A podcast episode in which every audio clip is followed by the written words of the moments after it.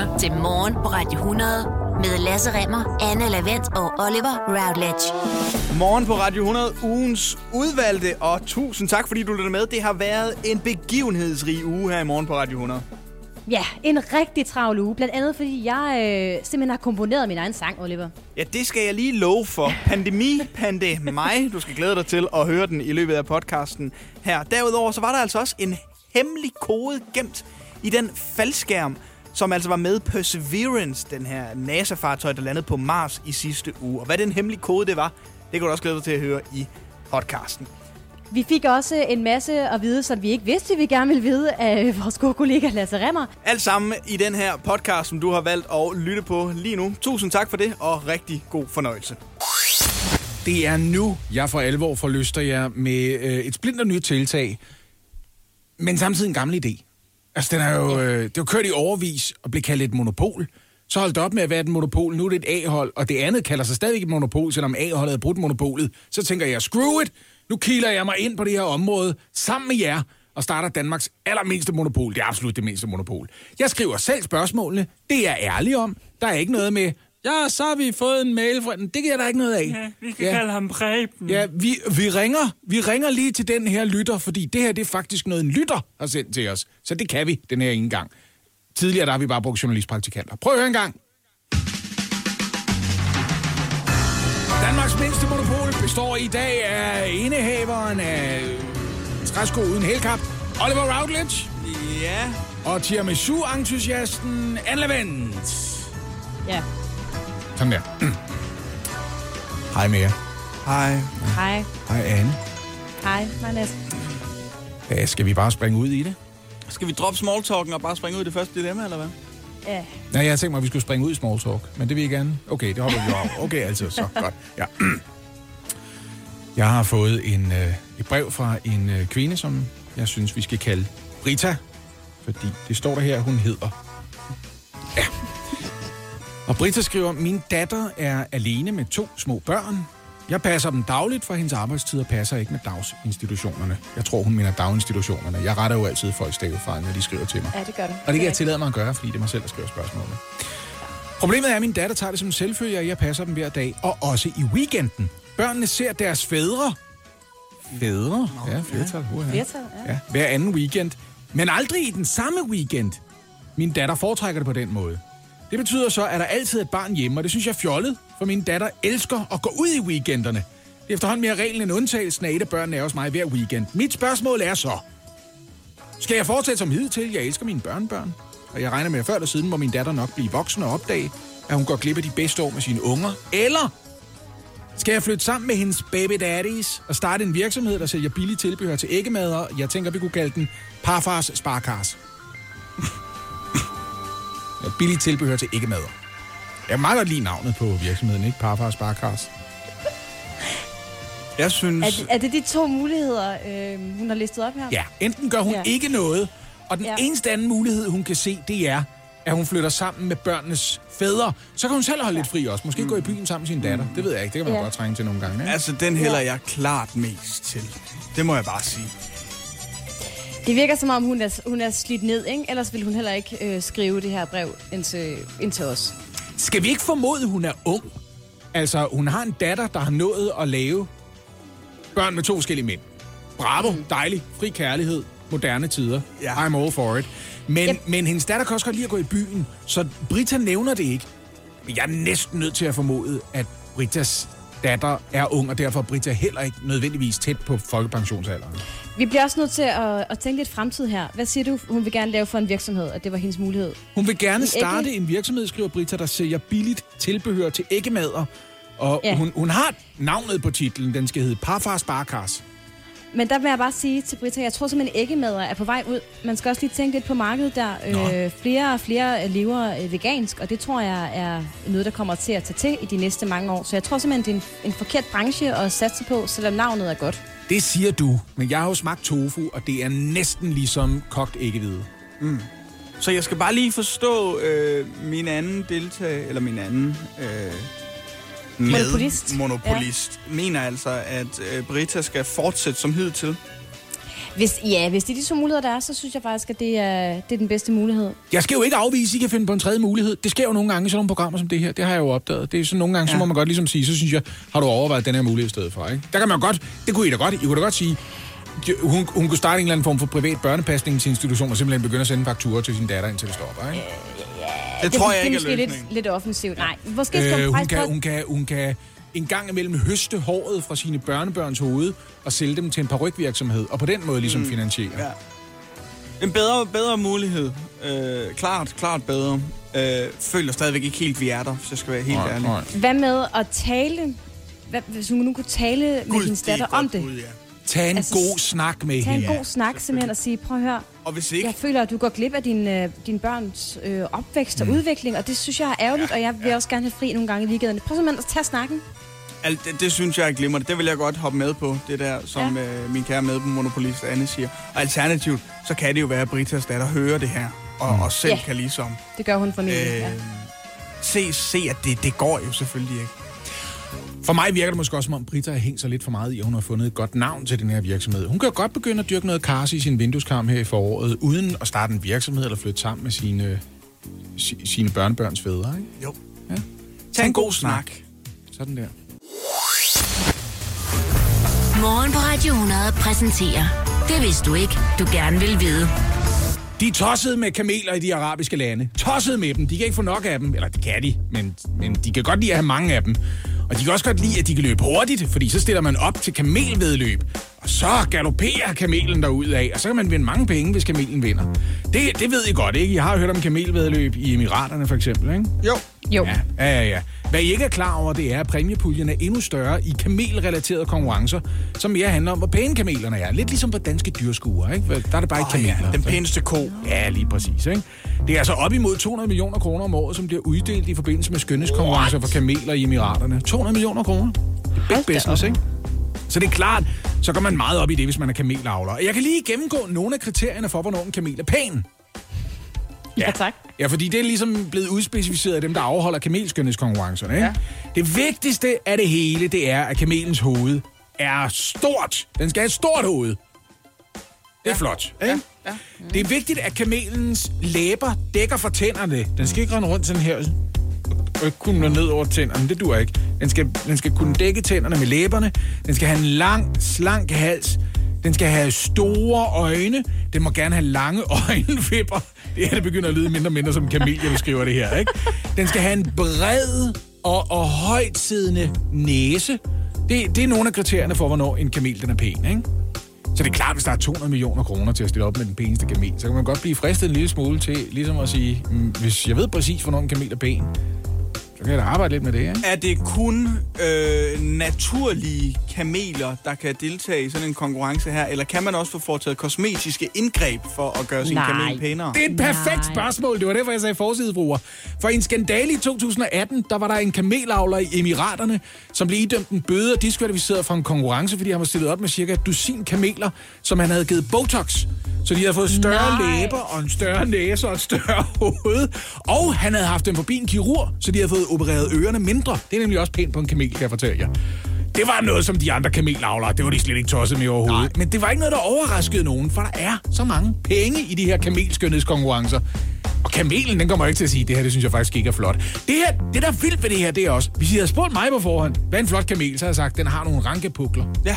Er det ikke rigtigt? Ja, hvad med. Jo. Ja, ja, men det viser sig, det er faktisk ret langt ned på listen. Det er ikke noget, man går sådan enormt meget op i. Den skal have nogle stærke ben og sådan noget. Hey, den skal have, den, den må godt have krøller og ikke lige hår. Og der ved jeg heller ikke, om man er, der er man inde, måske med et jern lige dagen før, eller sådan noget, inden at sige, så sæt dig ned. Du skal have curlers i. Du skal til konkurrence i morgen for helvede. Så Pimp bla- min kamel. det, det, er, det, er, det er blandt kriterierne. Jeg vil, jeg vil sige det her. Det væsentligste, det er, øh, i forhold til puklen, det er, at puklen skal være høj. Det er pænt. Ja, det er høj pukkel er flot, ikke? Okay. Og det gælder altså også dromedarerne. Nu siger jeg kameler, men dromedarerne er jo sådan set også en form for, kan man sige, skuffende kameler. Øh, så de tæller også med. Nu ved I det, næste gang der er nogen, der siger, skal du med hjem og se min kamel, så siger du, på her, øh, det skal være en naturlig kamel, hvis det er noget, I går op i. Ikke? Og den, ja, den skal ikke have fået noget Botox, og den må gerne have nogle høje pukler. Og jeg er jo ikke i gang med at bodyshaming kameler, altså du ved, hvis det er noget, der giver dig en altså, større selvtillid eller sådan noget, du altid har gået og tænkt ved dig selv, jeg er lidt svært ved at fylde en sadel ud, så kan det da godt være, at du lige har brug for, det ved jeg ikke, for sprøjtet noget ind i buklen eller sådan noget. Det skal du da bare gøre, hvis det er det, du har lyst til. Hvis det får dig til at føle dig bedre tilpas på stranden eller i andre sandrige omgivelser, så skal du da bare lige, skal du bare lige få lagt noget ind i buklen. Det synes jeg godt, du må. Og det skal, jeg skal ikke kigge skævt til det overhovedet. Der er ikke noget, der hedder rigtigt og forkert i den sammen. Det her er morgen på Radio 100. Highlights. Så er der sport. Og det er nu, der er sport. For det er mandag med sport. Her er Oliver med sport. Sport, sport, sport. Sport, sport, sport, sport. Ja, tak for den intro. Der er øh, ballade på de indre linjer øh, hos DBU. Balladen den er mellem de øh, dyre drenge på bestyrelsesposterne, og så også de endnu dyre drenge, der render rundt inde på fodboldbanen. Mm. Fordi DBU, de har en drøm. En drøm om at samle alle landshold på et sted. Altså alle U-landshold og herrene og kvindelandsholdet skal samles på det samme sted i modsætning til nu, hvor de er spredt ud over hele landet. Og spillerne på især herrelandsholdet, de er dybt irriteret og også forundret over udsigten til at skulle køre yderligere to timer i bil til et kommende træningsanlæg på Fyn. Det skal nemlig ligge i Odense, det her. Efter hvad der må formodes at være en mere eller mindre lang flyvetur fra alle hjørner af Europa. Så må du bare lære at være god nok i Superligaen til at blive udtaget til landsholdet, ikke? Jo. Manden i uh, spidsen for uh, projektet fra DBU side, det er Kenneth Ræ, som er vicedirektør hos uh, DBU. Og han understreger, vi gør altså ikke kun det her for herrelandsholdets skyld, vel? Han siger, det er jo klart, at hvis vi lå i Ørestaden, så var der kortere, hvis vi skulle spille i parken. Men Odense ligger jo midt i landet, og vi laver ikke det her kun for vores herrelandshold. Vi laver det her for hele dansk fodbold. Vi har 17 landshold, som spiller i hele landet, så på den måde er Odense relativt centralt placeret. Mhm. Og Jeg det- har, lige, jeg, har, jeg har lige et spørgsmål her. Afbryder jeg dig noget, Oliver? Nej, Okay. Odense, jo jo, Odense er en, en stor by og sådan noget. Har de faciliteter til at rumme altså øh, al den træning, som de nu fremover skal huse, måske? Nej, øh, det, det kommer vi til, for det er nemlig også et stort problem, fordi man har en drøm om at bygge det her store samlingspunkt med fodboldbaner og hotel og så videre i Odense. Et projekt, som kommer til at koste, siger DBU selv, imellem 200 og 300 millioner. Og deroveni, så kommer der også lige prisen på at bygge et hotel, og det er heller ikke lige skide billigt. Så hvad skal vi sige? Skal vi sige, vi indregner også lige nogle slåfejl i økonomien og sådan noget. I hvert fald 500 millioner for at få det her op og stå. Det, det- altså, det er 30 millioner per landshold. Kunne man ikke give nogen af dem til kvindefodboldlandsholdet? Fordi i forvejen synes jeg, at de er så dårligt betalt. Kunne man ikke bare give dem nogle penge, og så satse på, at så ville det ligesom vokse og blive lige så stort som her, og så ville man tage pengene ligesom i overskuddet fra... Øh, og så kunne det hele finansiere sig selv. Det kunne man mene, men den her irritation, der er hos spillere, den, den opstår egentlig ikke, at man vil bygge noget, øh, noget nyt og sådan noget. Det synes man, der er dejligt med nye faciliteter, men man er egentlig bare irriteret over at skulle bruge øh, tid på at køre til Odense, når de lander i København, frem for før, hvor herrelandsholdet var samlet i Helsingør. Øh, det synes Kenneth Ræ overhovedet ikke er noget problem. Det er da klart, at i forhold til at bruge en time på at køre til Helsingør, så bruger man halvanden time til Odense. Det er en halv time mere, det er rigtigt. Det kan, nogen, det kan for nogen være, være meget. For mig personligt, det synes jeg ikke, det er slemt. Nej, altså, øh, hvis du for eksempel spiller i en London-klub, lad os bare sige, at man er en rigtig dygtig spiller, som har fået en kontrakt i Arsenal. Ja, Der er jo næsten lige så langt ud til Gatwick, som der er fra København til Odense. det er rigtigt. Men jeg vil sige, jeg, jeg synes også, at øh, Kenneth Ræ her fra DBU har den meget positive øh, ja-hat på, fordi... Åh ja. Altså, Odense, Fyn, motorvej, vejarbejde, trafikprop. Altså, der sker ting over, jamen, der sker ting øh, i Ja, den retning. Så men- en, halv time mere er måske lige at stramme den lidt. Men hertil, der nævner Kenneth Ræ så også, øh, at det er muligt at flyve fra København til Odense. Hjælp en, du holder af med at tage det første skridt til bedre hørelse. Få et gratis og uforpligtende hørebesøg af Audionovas mobile hørecenter. Så klarer vi det hele ved første besøg, tryk dig nemt i eget hjem. Bestil et gratis hørebesøg på audionova.dk eller ring 70 60 66 66. Lad os sige, at du får en knæskade på skituren til Østrig med veninderne. En all-you-can-eat knyttelbuffet hjælper lidt. IF hjælper meget. Velkommen til IF Forsikring. Morgen på Radio 100. Highlights. Det er nærmest umuligt at få smidt, at undgå at få smidt øh, diverse nyheder i hovedet hele tiden, om det så er på tv, radio eller i avisen. Og så må man jo bare sige, at teknologien og globaliseringen spiller en stor rolle i den sammenhæng i hvert fald. Ja, og her i Morgen på Radio 100 forsøger vi også dagligt at levere nyheder fra både ind- og udland, blandt andet i vores øh, fremragende udenrigsmagasin, som hedder øh, Hvad i alverden. Men prøv at høre, venner, så nemt var det altså ikke før i tiden. Ej, og det er der blevet lavet en western om. Netflix tilbyder News of the World, og som titlen afslører, så handler den om nyheder fra hele verden. Nej, det er nok ikke det eneste, den handler om. Har du ikke set filmen endnu, så er vi så heldige, at vi har øh, et fingerpege om, om det kan betale sig at bruge tid på den, med vores dejlige filmanmelder Martin Blikker her til morgen. Godmorgen, Martin. Godmorgen. Martin Blikker, nu har Lasse løftet sløret for, at filmen den handler om øh, nyheder, men det er vel ikke bare det, den handler om. Nej, men altså den her film her kan vel bedst puttes i den boks, vi kalder en dramatisk western. Øh, den er baseret på novellen af samme navn fra 2016 og foregår tilbage i 1870, altså godt og vel fem år efter den amerikanske borgerkrig. Den er slut. Og her følger vi altså den tidligere sydstats soldat, Captain Jefferson Kyle Kidd, der blev spillet af Tom Hanks, øh, som altså rejser rundt på prærien og ligesom løser lokale og nationale nyheder op for landets hårdarbejdende bønder, der jo ikke lige har tid til at holde sig ja, hvad kan man sige, orienteret med alskens knas i Washington og så videre. Mm. Øh, men på den her færd her, der ramler han altså pludselig ind i den her bare 10-årige Johanna, som har været kidnappet af indianere, som jo kaldte dem dengang i flere år. Og øh, derfor så taler og identificerer hun sig altså mest af alt som indianer. Men, men, men, det viser sig altså, at den her pige her, hun har altså noget familie, der stadigvæk lever, og derfor så bliver det altså pålagt Carl Kidd at transportere hende hjem igen. Men, men, men, der lurer selvfølgelig far rundt om hjørnet på den her flade præge, så kaptajnen må lige trække aftrækkeren tilbage, og så simpelthen danse sit diplomatiske gemyt ud til venteværelset i forbindelse med den her tur. Ladies and gentlemen, my name is Captain Jefferson Kyle. Ah, han har sådan en rar stemme, som Hanks. The news from across this great world of ours. Ja. So they pay you to tell a story. I ain't never heard of that as a thing a man can do. Ja, der er jo nok også ligget noget øh, i, at, at der var en del analfabeter på den tid. Så, så har man simpelthen brug for, at der er nogen, der lige kan gribe en avis og læse højt for en og sige, hvad, hvad foregår der egentlig derude sådan rundt omkring? Men spørgsmålet er jo, øh, hvordan fungerer den her film News of the World, Martin Blikker? Jamen, jeg synes faktisk, den lykkes virkelig, virkelig godt et langt stykke hen ad vejen. Altså, man kan godt mærke, at der har været flere sådan Oscar-vindere til at sætte den her film, vi skal støbefond sammen omkring den her film her. Den er rigtig, rigtig flot faktisk. Og samtidig så trækker den også på den her moderne western-tradition, som mange af os er begyndt at lægge mærke til. Altså noget, der emmer af oplysthed og et ønske om forsoning og tilgivelse. Så var det jo ikke med de gamle westerns. Der var det jo meget sort-hvid, og de onde mod de gode, øh, kan man sige. Og, men i den her film her, der er de enkelte karakterer, de personificeringer, som man måske kan sige, de har væsentligt mere dybde. Så vores sydstatssoldater, som vi støder på i den film her, de er ikke bare nogle onde sataner, og vores indianere, de er heller ikke bare nogle umenneskelige barbarer. Altså, der er meget mere balance, som er med til at give den her westernfilm et pus med liv, og ja, noget uopdaget land, som den her genre efterhånden har virkelig, virkelig brug for, fordi det er altså en gennemtæsket genre, der er blevet lavet rigtig, rigtig mange westerns.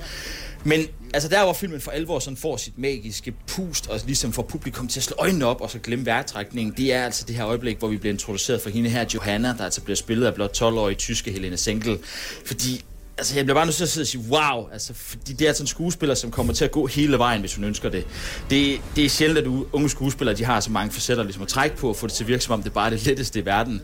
Altså, da jeg så hendes præstation, der mindede det mig om sådan noget Henry Thomas fra E.T., uh, øh, Haley Joel Osment i Den 6. Sans, eller Leonardo DiCaprio fra uh, What's Eating Gilbert Grape.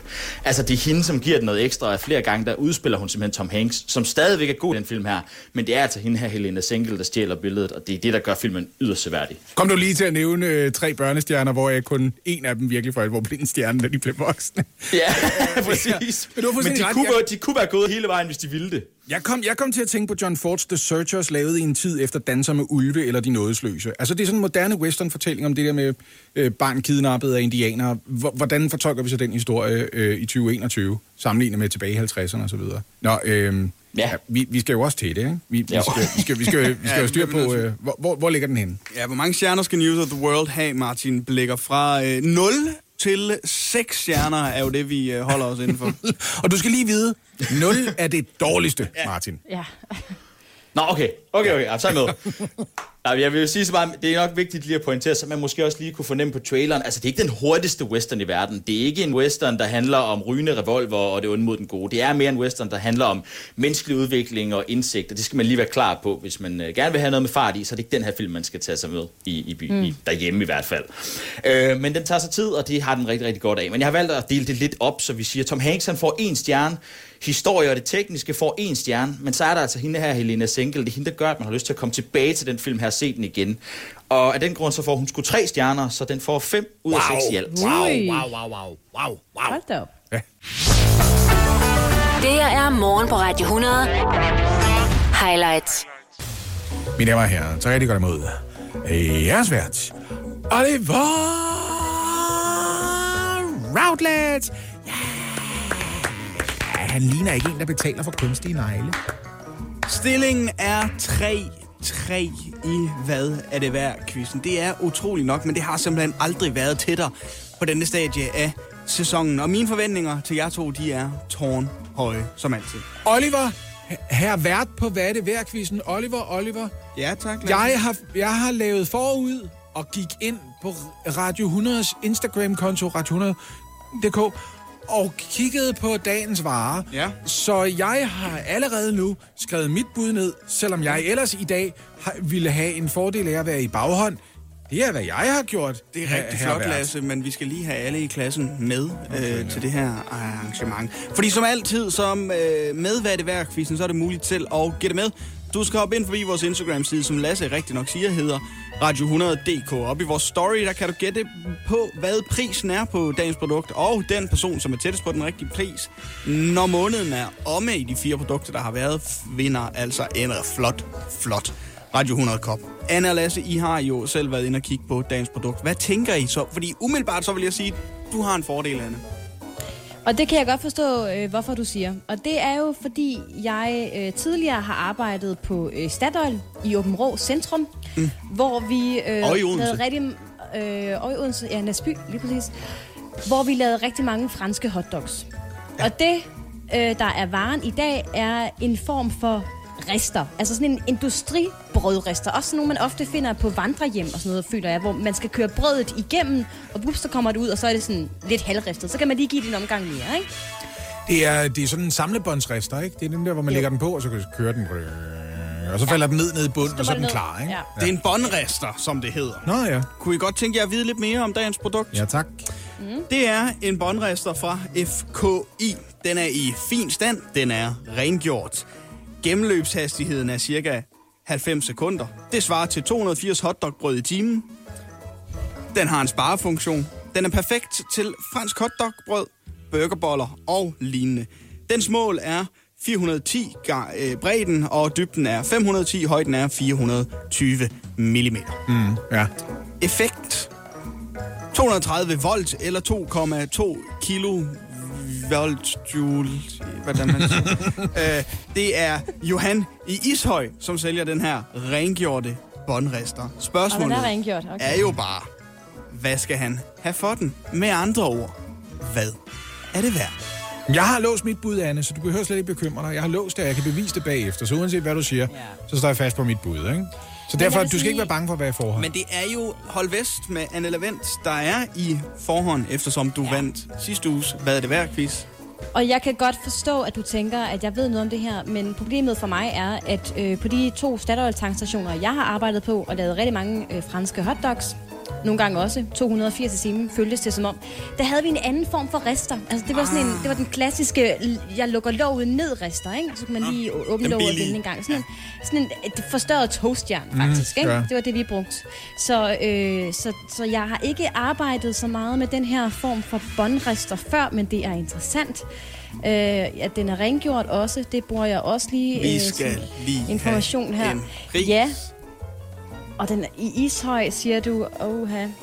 Den koster, jeg siger, det er 2.885 kroner. 2.885 danske kroner er budet fra Hold Vest med Anna Levent i spidsen. Lasse Remmer, Du har kommer lånt- til at kalde mig en løgner nu, for jeg låste mit bud tidligere. Oliver, vil du læse, hvad der står på skærmen? Der står 2800 kr. Jeg skrev 2800 kroner ud det øjeblik, jeg så produktet. Og der Ja, tænkte jeg.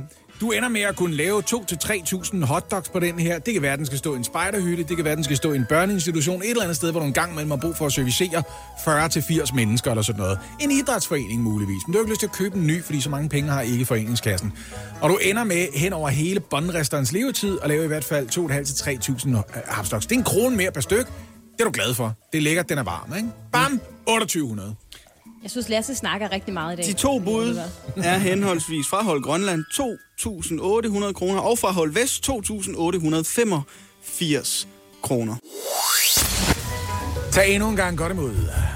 Jeres vært, Oliver Routledge. Jeg ved, at man en dag begynder at farve sine øjenbryn. Det kan være, det bliver nødvendigt. I har skulle forsøge at gætte prisen på en båndrester i fin stand, som er rengjort fra firmaet FKI, hvor gennemløbstiden var cirka 90 sekunder, og der var tid til 280 hotdogbrød i timen. Nice. Det er Johanne Ishøj, som solgte det her produkt, som sælger det her produkt. Og budet fra Hold Grønland med Lasse i spidsen var 2.800 kroner. Lås på forhånd. Budet fra Hold Vest med Anne Levent i spidsen var også 2.800 kroner, men hun har tilføjet 85. 2.885 kroner. Der står jo 3-3 i, hvad er det værd? Quizzen. Det er meget spændende. Det er vildt, vi ligger så tæt på hinanden, Anne. Det er så vildt. Mund foran i dag. Fordi Johan har sat sin båndrester i fin stand, og rengjorte båndrester i fin stand, til salg for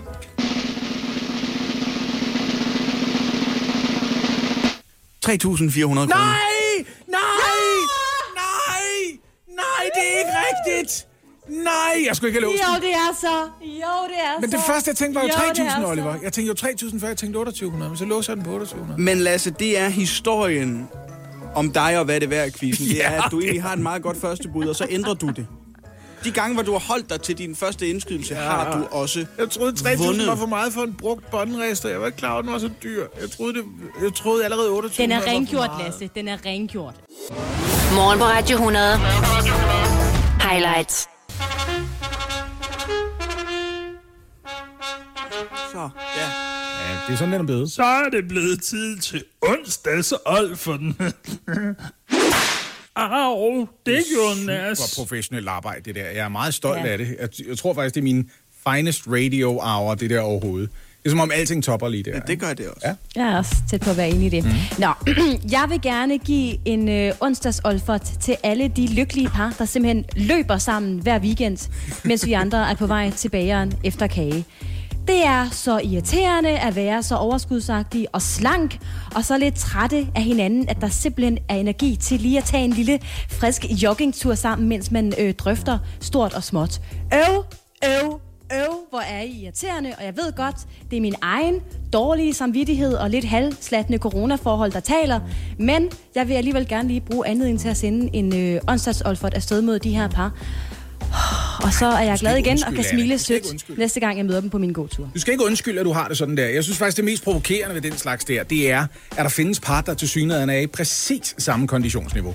Altså, der er ikke Ja. ja. nogen af dem, der siger, at vi løber for hurtigt, eller vi løber for langsomt. Ja. Ja. Men også det, at man lige for øjeblikket tænker, det er også romantisk, fordi vi kan løbe side om side. Det er bare en dårlig idé. Så irriterende. Hvor skal jeg være med oh. Bliver jeg også lidt irriteret Kan vi lige få Det den meste der, med, at de løber, ikke? God lyd af en Olfert. Ja, det er jo der stået på, hvis du gerne vil have sådan en. Øj. Sådan lyder Øj. en Olfert jo. Alle ved det.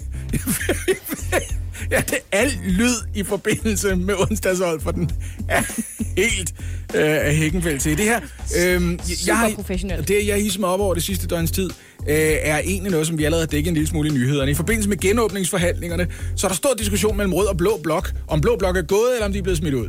Ja. Jeg, jeg, jeg synes, det er så barnligt og så ligegyldigt. Jeg er med på, at I ikke kunne blive enige. Det var der ikke nogen, der forventede af jer overhovedet.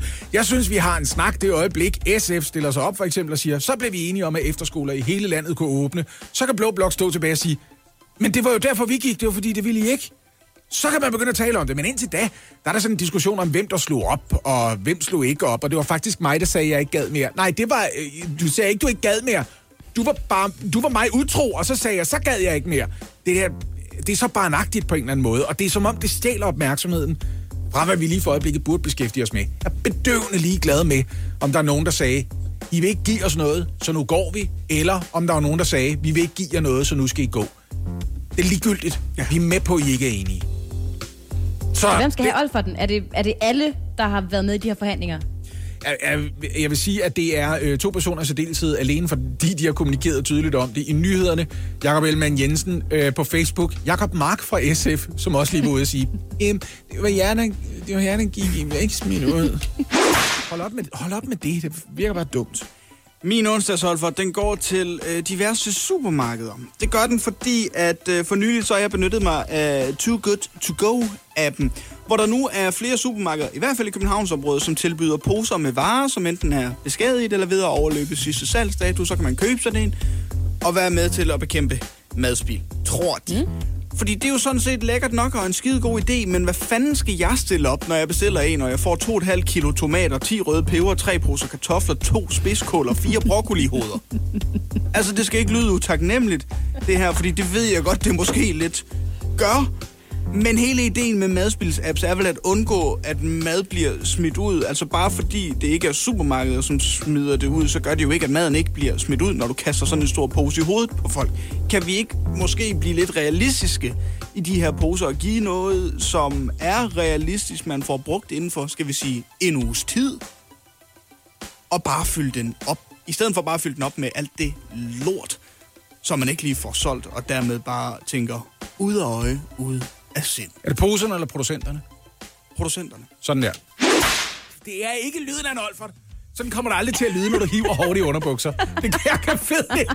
Jeg ved ikke, hvad der er sket i det her indslag, men, men det er dejligt lige at få lettet en lille smule for overtrykket. Morgen på Radio 100 præsenterer Det vidste du ikke, du gerne vil vide. Det er ikke bare en historie om dyr, det er også en historie om civil ulydighed.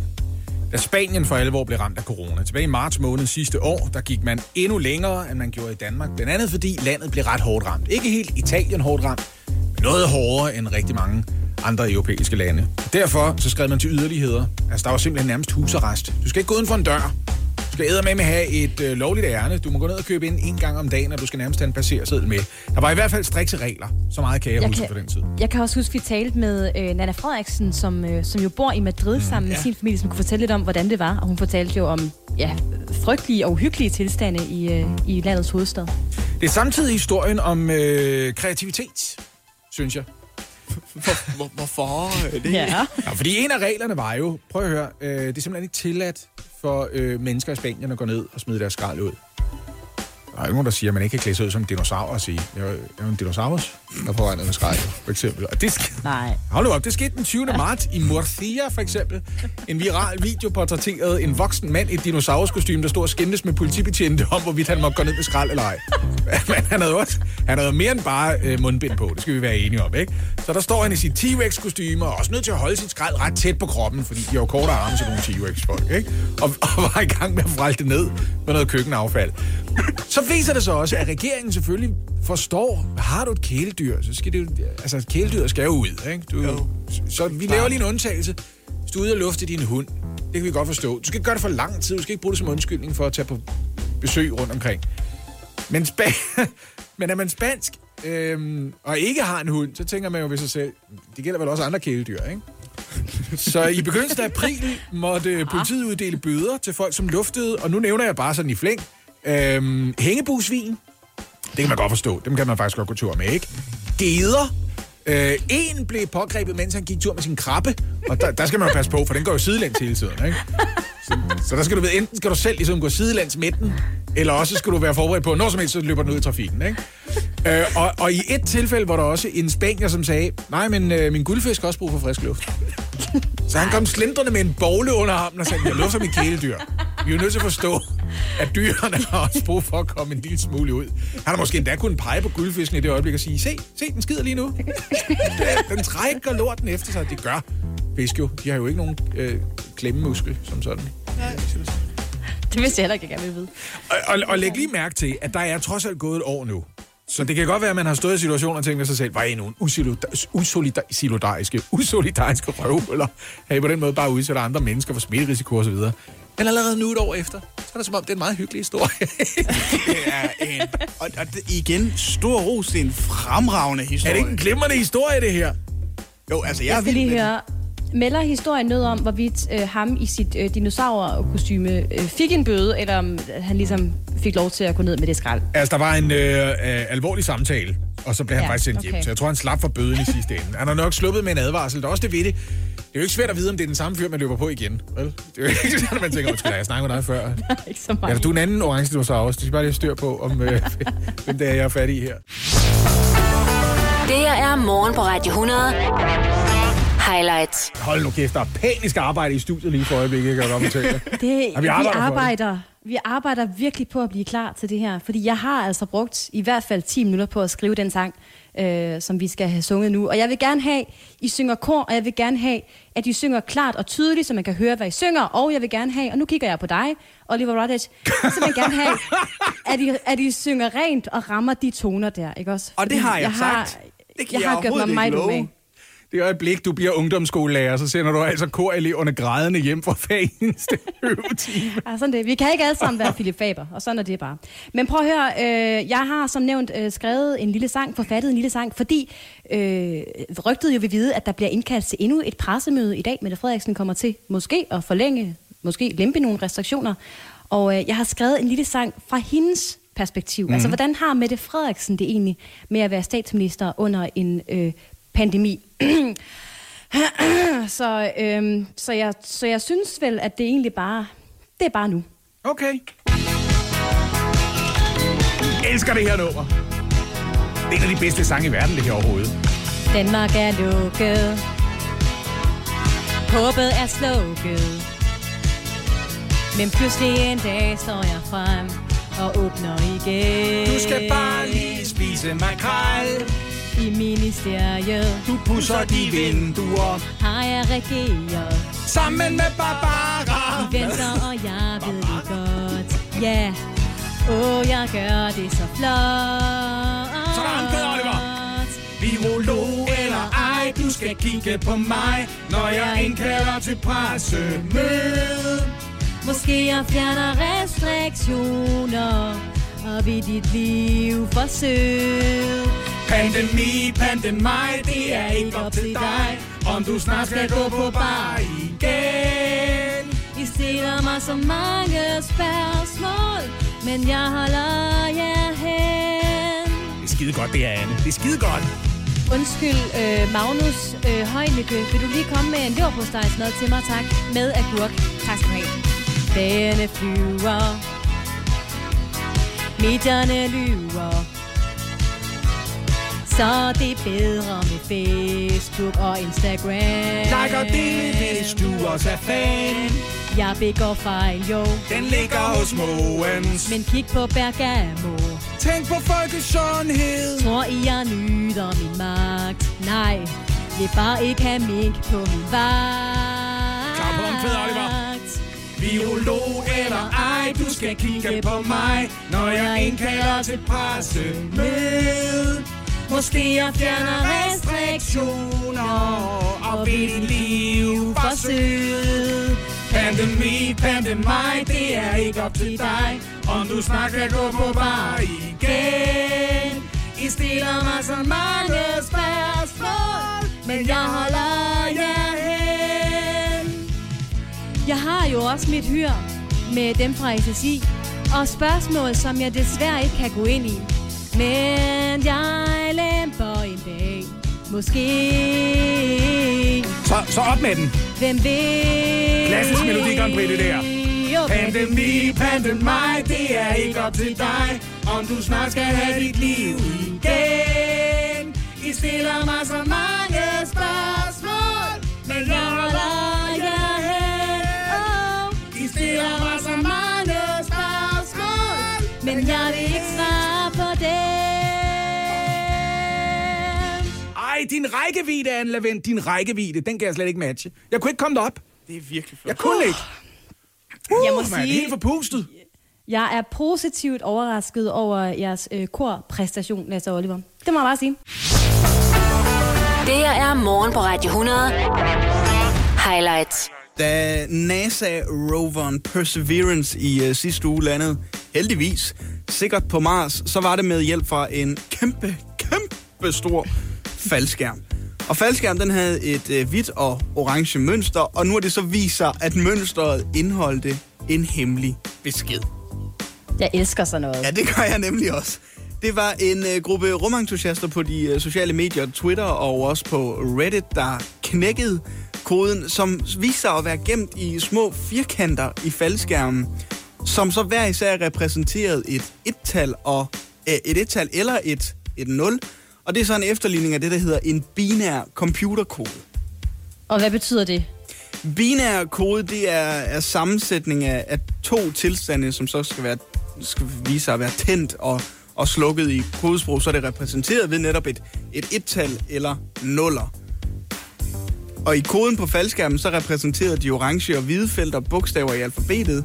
Så to felter betød for eksempel, to felter vil for eksempel betyde B, og, og fem felter vil betyde E. Okay, det er utrolig nørdet. Mm-hmm. Hvad vil du have skrevet på øh, en hemmelig kode på en faldskærm, Anne, hvis det var dig, der skulle stå for at sætte den op til, til Mars? Har du sådan et, et, et life slogan? Og du må ikke sige, you only live once. Uh, no regrets. Ja. Uh, så ved jeg ikke, hvad vil jeg, hvad vil jeg skrive? Anne was here, tror jeg. Ja, jamen, den er god. Den er god. Ja. Brugere øh, på Reddit har som sagt knækket den her kode, Reddit og Twitter, vil jeg mærke. Øhm, og, og den er naturligvis på bedste amerikansk manér et citat. Ja. Der står, There mighty things. På dansk, Ja. øh, noget ala, øh, våg at gøre store ting. Tag, tag en chance. Tag en Ja, risiko. Ja, nemlig. Hvor, kast dig ud i det. Apropos faldskærm. Der synes jeg måske godt, at man hos NASA's side kunne have sat en eller anden praktikant til at gøre det her bedre og sjovere. Hvis der var et meme deroppe, for eksempel. Man har skrevet et eller andet meme. Det kunne, være, det kunne, det kunne have været rigtig sjovt. Eller man kan sige, der kunne have stået i kode. Øh, bare stået din mor i, i koder. Synes jeg også ville have været sjovt. Din mor? Eller, What? shit, de skyder på os. Hvordan havnede jeg her? Ja, lige præcis. jeg, I didn't, jeg ask, ned. I didn't ask for this, skulle der. Men prøv her, det er da meget. Jeg kan godt lide øh, mængden af detaljegrad her. Altså, det er jo det mest ambitiøse rumprojekt, jeg ved ikke hvor mange år fra NASA's side. Det har kostet, jeg ved ikke hvor mange milliarder kroner. Så er det fedt, de også lige har gjort lidt ud af den her øh, faldskærm og tænkt, der skal også lige være noget til nørderne inde på, øh, inde på Twitter og Reddit. Det kan jeg sgu meget godt lide. Jamen, jeg, jeg er helt vild med sådan nogle her historier, hvor det viser sig, at ikke noget, de har talt højt om, men der er en kode i den her faldskærm. Se, om I kan finde den, agtigt noget. Og så ja. går nørderne bare amok og sætter sig ned og kigger, og så finder de ud af, at der står There Mighty. Hjælp en, du holder af med at tage det første skridt til bedre hørelse. Få et gratis og uforpligtende hørebesøg af Audionovas mobile hørecenter. Så klarer vi det hele ved første besøg, tryk dig nemt i eget hjem. Bestil et gratis hørebesøg på audionova.dk eller ring 70 60 66 66. Det her er morgen på Radio 100. Highlights. Det er af logiske årsager rigtig svært at komme i byen og møde nye mennesker og potentielle kærester for tiden, Olli. Og det har singleplatformen Dating.dk også kun mærke. Ja, der kom nogle nye tal ud fra Dating.dk, og de viser, at de i øh, sidste år fik hele 30% flere tilmeldinger på deres øh, hjemmeside, altså fra folk, som ønsker at finde kærligheden virtuelt. Ja, og jeg synes jo, det er mega spændende det her, fordi jeg har virkelig mange spørgsmål til, altså hvordan i alverden man får dating til at gå hånd i hånd med corona. Og øh, da vi talte om det her på vores lille redaktionsmøde i går, et møde vi holder øh, hver dag efter programmet, så viste det sig, at vi jo havde en vaskeægte expert lige ved hånden. Det er nemlig rigtigt. Maria, over til Gregersen, godmorgen. Godmorgen. Du er jo vores praktikant her på Morgen på Radio 100. Det er du først og fremmest virkelig glad for. Men derudover, så er du også single og har altså været på dates under coronatiden. Uh, hvordan har det været? Øh, altså, det vil sige faktisk har fungeret ret fint. Øh, det har været øh, på de der klassiske gåture, man ligesom har været. Og øh, dengang tingene sådan også var lidt åbne, så har der været sådan udendørsaktiviteter som øh, minigolf, jeg har taget til, og sådan forsøgt at lave noget. Det er også noget med, at du ikke er en af dem, der har taget de der virtuelle dates til dig, altså hvor man sidder og facetimer eller mødes første gang over Teams. Hvordan kan det være, at du ikke har kastet dig ud i den slags dating her under øh, pandemien? Øh, jeg tror, det er aldrig noget, der sådan er kommet på tale fra både hverken fra min side af, eller fra den person, som jeg ligesom har skulle date, at det har været noget, der har blevet foreslået. Øh, så det har jeg aldrig tænkt, at det var en mulighed, men øh, det kunne da være, at man skulle tænke i nye baner, men det er gået fint nok med at forholde sig og være udenfor. Kunne du godt finde på det? Altså hvis en, du øh, matchede med på, på, lad os sige, Tinder for eksempel, skrev, øh, jeg kunne re- rigtig godt tænke dig at, at mødes med dig, og I har haft en fin kommunikation. Øh, skal vi gøre det over FaceTime for eksempel? Nej, jeg tror, jeg ville synes, det var lidt mærkeligt. Så skulle man godt nok synes, at personen var Det meget skulle virkelig være gået godt. Ja, på skrift. Men okay, du har trods alt mødtes med nogen øh, under pandemien her, Maria. Altså, hvad gør man så, når man mødes med sin date, som man jo aldrig har mødt før? Fordi man må jo helst ikke røre ved for mange mennesker. Altså, så når man mødes, får de, er det så albuen, eller får de lige en fodhilsen, eller, eller hvad gør man der? Altså, jeg plejer altid at spørge først, og sådan, er det okay med dig, at øh, det er en krammer? Fordi jeg synes også, det er mærkeligt, det der, man står på afstand, og så vinker man til hinanden. og Sådan, "Nå, hej, hej, står du derovre på den anden side af søen? Det er jo også mærkeligt. Har du mødtes med nogen, der har krævet, at du har fået en, øh, en negativ test, inden I har mødt? Nej, ikke endnu. Vil du gøre det, hvis der var en, der bad om det? Ja, sådan er ren øh, respekt for den anden person, så vil jeg nok gå hen og få en mm. negativ test. Maria, jeg kan heller ikke lade være med at tænke, at det sikkert har været skide svært at være single i, i det seneste år. Altså, jeg bor i et kollektiv, vi er fire, fire gutter, der, der bor sammen, øh, og jeg har en kæreste, men jeg kan stadigvæk godt føle mig ensom. Ja, altså nu bor jeg også på et kollegie, hvor vi er 10 piger, der bor her i alt, så jeg vil sige, det har også hjulpet rigtig meget på det, at vi har været sammen her på kollegiet og ligesom øh, lavet alle mulige ting sammen. Altså fastelavns øh, bolle, spisning og vinterbadning og alt det der har vi jo også hoppet Okay, på herhjemme. Okay, der, der var ikke punktum der, okay. Godt at vide.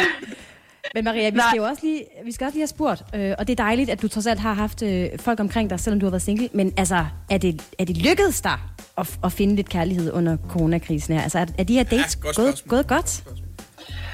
Øh, jeg har det sådan lidt ambivalent med øh, dates, fordi at øh, når jeg sådan går ind til et date, så føler jeg lidt, at det er sådan en jobsamtale, man tager til. Øh, det er jo sådan noget, man har den forventning om, at når man tager til en date, det har jeg i hvert fald, at øh, det er jo med formålet, det skal man ud i, er, at man skal blive kærester på et tidspunkt.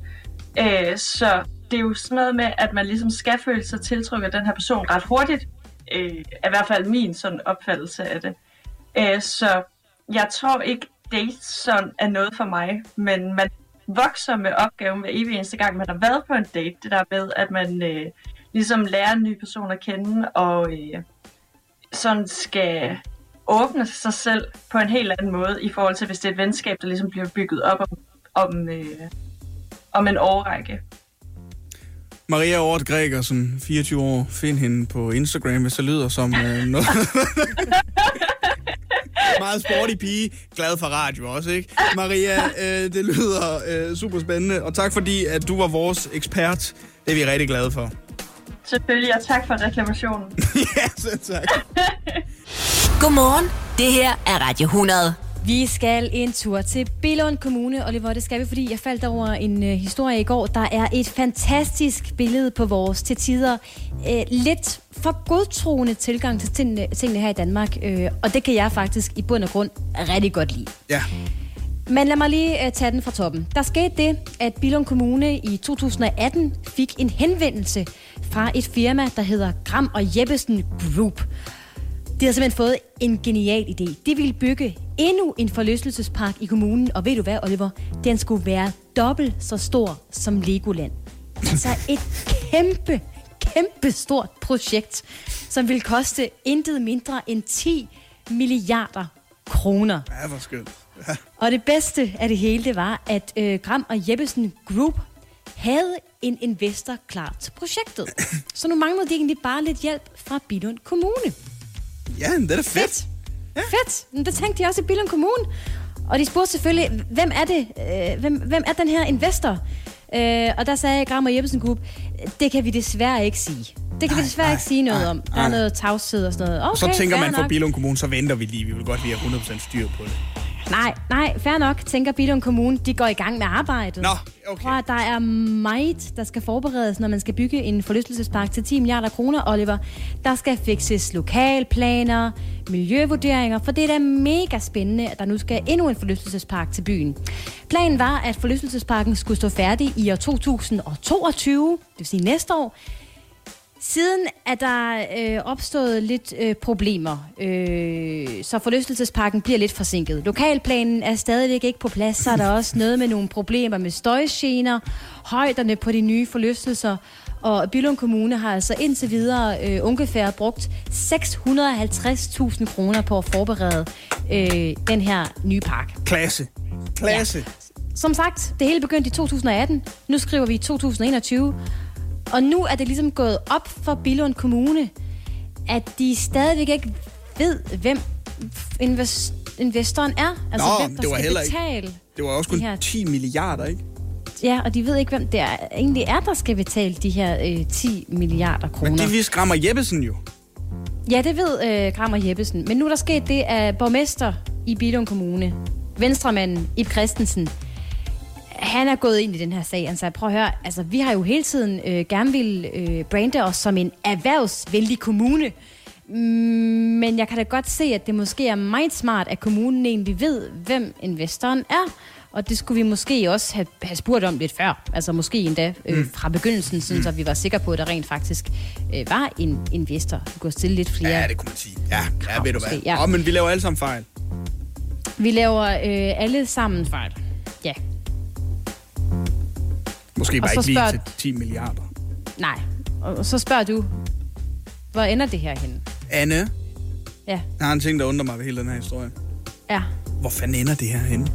Jamen, det, og det, at det er sjovt, du spørger, fordi der er ikke rigtig nogen, der ved det. Nå. Altså, øh, borgmester Ib Christensen, han, øh, han går nu til Kramer Jeppesen Group for lige at banke i bordet og sige, hey, nu vil vi gerne vide, altså vi har brugt en halv million kroner øh, på forberedelserne. Hvem, hvem er investoren? Og Kramer Jeppesen Group vil stadig ikke fortælle det. De siger, prøv her, øh, vi lover, der er en investor. Det er en udenlandsk investor.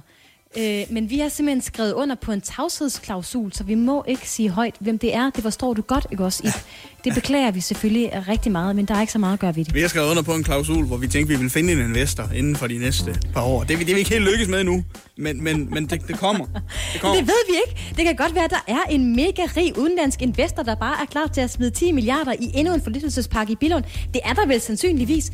Vi må bare ikke få at vide, hvem det er, og det må de altså heller ikke i Billund Kommune, som jo ellers er dem, der skal gøre det hele klart, ikke? Ja. Ellers så er der en fra Grammer Jeppesen, der ligesom må lige hoppe ind til øh, Kirk Christiansen. Kald Kirk, lige tømme hans ene hovedpude, og deri vil du så kunne finde ungefær 10 milliarder kroner. Det er jeg rimelig sikker på.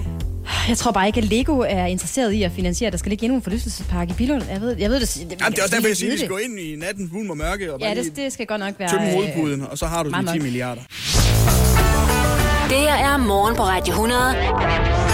Highlights. Ja, det betyder, at vi skal have fat i ugens citatquiz. Ja. Og det er jo øh, på det her tidspunkt, vi lige plejer at, øh, at genopfriske, hvad det er for historier, vi har talt om i løbet af ugen her. Og det gør vi på en lidt fiffig måde, nemlig ved hjælp af citater.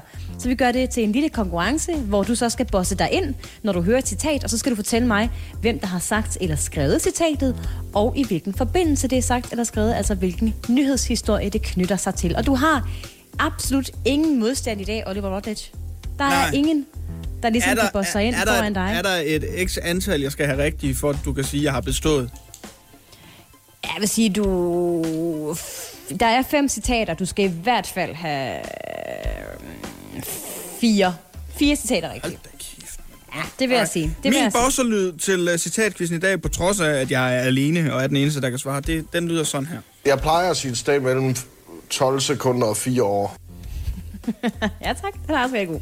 Det er godt, Oliver. Men øh, er du klar? Jeg er klar. Vi kaster os ud i det første citat. Det lyder sådan her. I kan eventuelt høre DBU vedrørende deltagelsen til VM. Jeg plejer at sige et sted mellem 12 sekunder og 4 år. Jeg kan ikke det fulde Oliver? navn, Anne, men Nej. det er øh, pressesekretær, pressechef for øh, kulturminister Joy Mogensen, der svarede netop sådan der på vores henvendelse om at få en kommentar om Danmarks deltagelse ved VM i Katar 2022, hvor det viser, at 6.500 migrantarbejdere er døde. I forbindelse med Det er fuldstændig, ja, det er fuldstændig korrekt. Det er nemlig øh, en medarbejder hos øh, Kulturministeriet, der altså kastede den videre, sparkede bolden videre, har jeg lyst til at sige, til Ja, DBU, flot. øh, altså, skal øh, angående at høre om vores deltagelse til VM i Katar. To point til at starte med der, Oliver. Ja, det er ja, altså, ja. det er rigtig flot. Vi øh, springer videre til næste citat. Vi blev simpelthen smidt ud. Det er et diktat, ikke en forhandling. Jeg plejer at sige et sted mellem 12 sekunder og 4 år. Den kan jeg også. Fire, ja tak. Det der, er det? det er Jakob Ellemann Jensen, der har sagt det.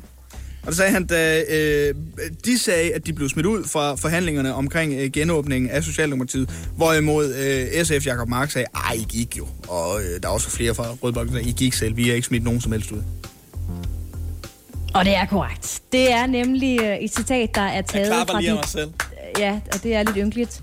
Dramatiske genåbningsforhandlinger, der altså udspillede sig i løbet af ugen her, hvor uh. hele Blå Blok simpelthen enten blev smidt ud, enten gik selv. Vi er lidt i tvivl om det, men det her det var nemlig øh, Venstres formand, Jakob Ellemann Jensen, der altså sagde, at de blev smidt ud. Ja. Flot, Oliver. Du har simpelthen du har fire point i alt, fordi du har gættet øh, både citat og nyhedshistorie rigtigt i de første to citater.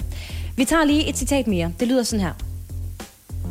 Våg at gøre store ting. Jeg plejer at sige et sted mellem 12 sekunder og 4 år. Det var den hemmelige meddelelse, der stod på den faldskærm, der var øh, knyttet til Perseverance, da den landede på Mars i sidste uge.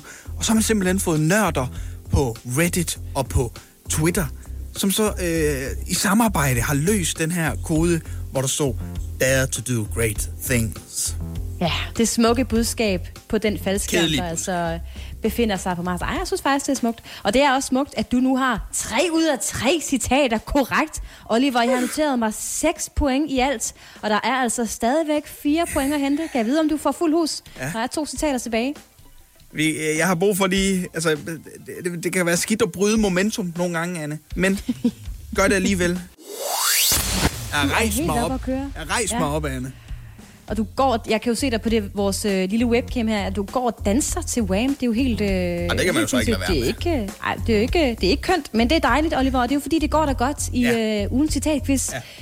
Vi har haft tre citater indtil videre. Du har simpelthen scoret øh, max point, nemlig 6 point, fordi du ja. kunne huske alle citaterne. Du vidste, hvem der havde sagt eller skrevet dem, og i hvilken forbindelse de var sagt eller skrevet. Der er to citater tilbage, Oliver. Og nu bliver det jo rigtig spændende, fordi spørgsmålet er jo, om du skal have fuldt hus. ja. Og vi finder ud af det, fordi næst sidste citat kommer her.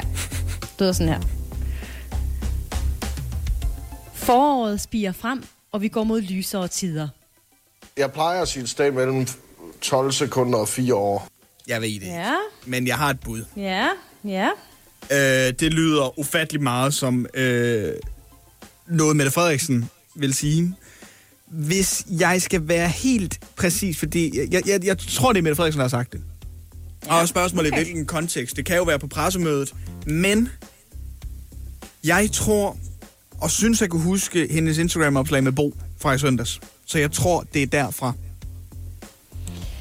Jeg kan fortælle dig, Oliver, at du får to point for den besvarelse. Det er fuldstændig korrekt. Det er statsminister Mette Frederiksen, der lavede en lille forårshilsen fra hende og Bo i søndags, lagde et, øh, en dejlig selfie op og forklarede, at der altså var nyt, på genå- og nyt om genå- genåbningen på vej dagen efter, altså i mandags. Det er fuldstændig korrekt, Oliver. Hvor er det flot. Hvor er det flot. Tak. Der er et enkelt citat tilbage. Vær klar med bosseren. Maskinen skal betjenes med håndkraft og kræver reservedele, som ikke er til at opdrive mere. Jeg plejer at sige et Ja, sted tak! mellem 12 sekunder og 4 år. Ja, tak! Kan du også den? Det er dumleslikkepinden, der udgår fra sortimentet, og den kan ikke laves længere, fordi maskinen den kræver nogle nye reservedele, som koster rigtig mange penge. Og hvem kunne tænke sig at sige det Ja, her? men det har jo en kommunikationsmedarbejder fra fa- Faser, Faser, fa- Farser, som, laver, som producerer øh, dumleslikkepindene. Den er godt taget. Det er fuldstændig korrekt, Oliver Routledge. Det var i den her uge, vi fik at vide, at øh, dumle slikkepinden, den utrolig klistrede, lækre øh, karamel slikkepind på træpind, udgår efter utrolig mange år, fordi det simpelthen er for besværligt at lave den. Og det var Christina Frente, der sagde det her. Hun er marketing manager hos øh, Fatser Danmark. Hvor mange fik, øh, hvor mange fik Lasse i sidste uge, da han var alene? Hvor mange rigtig fik han der?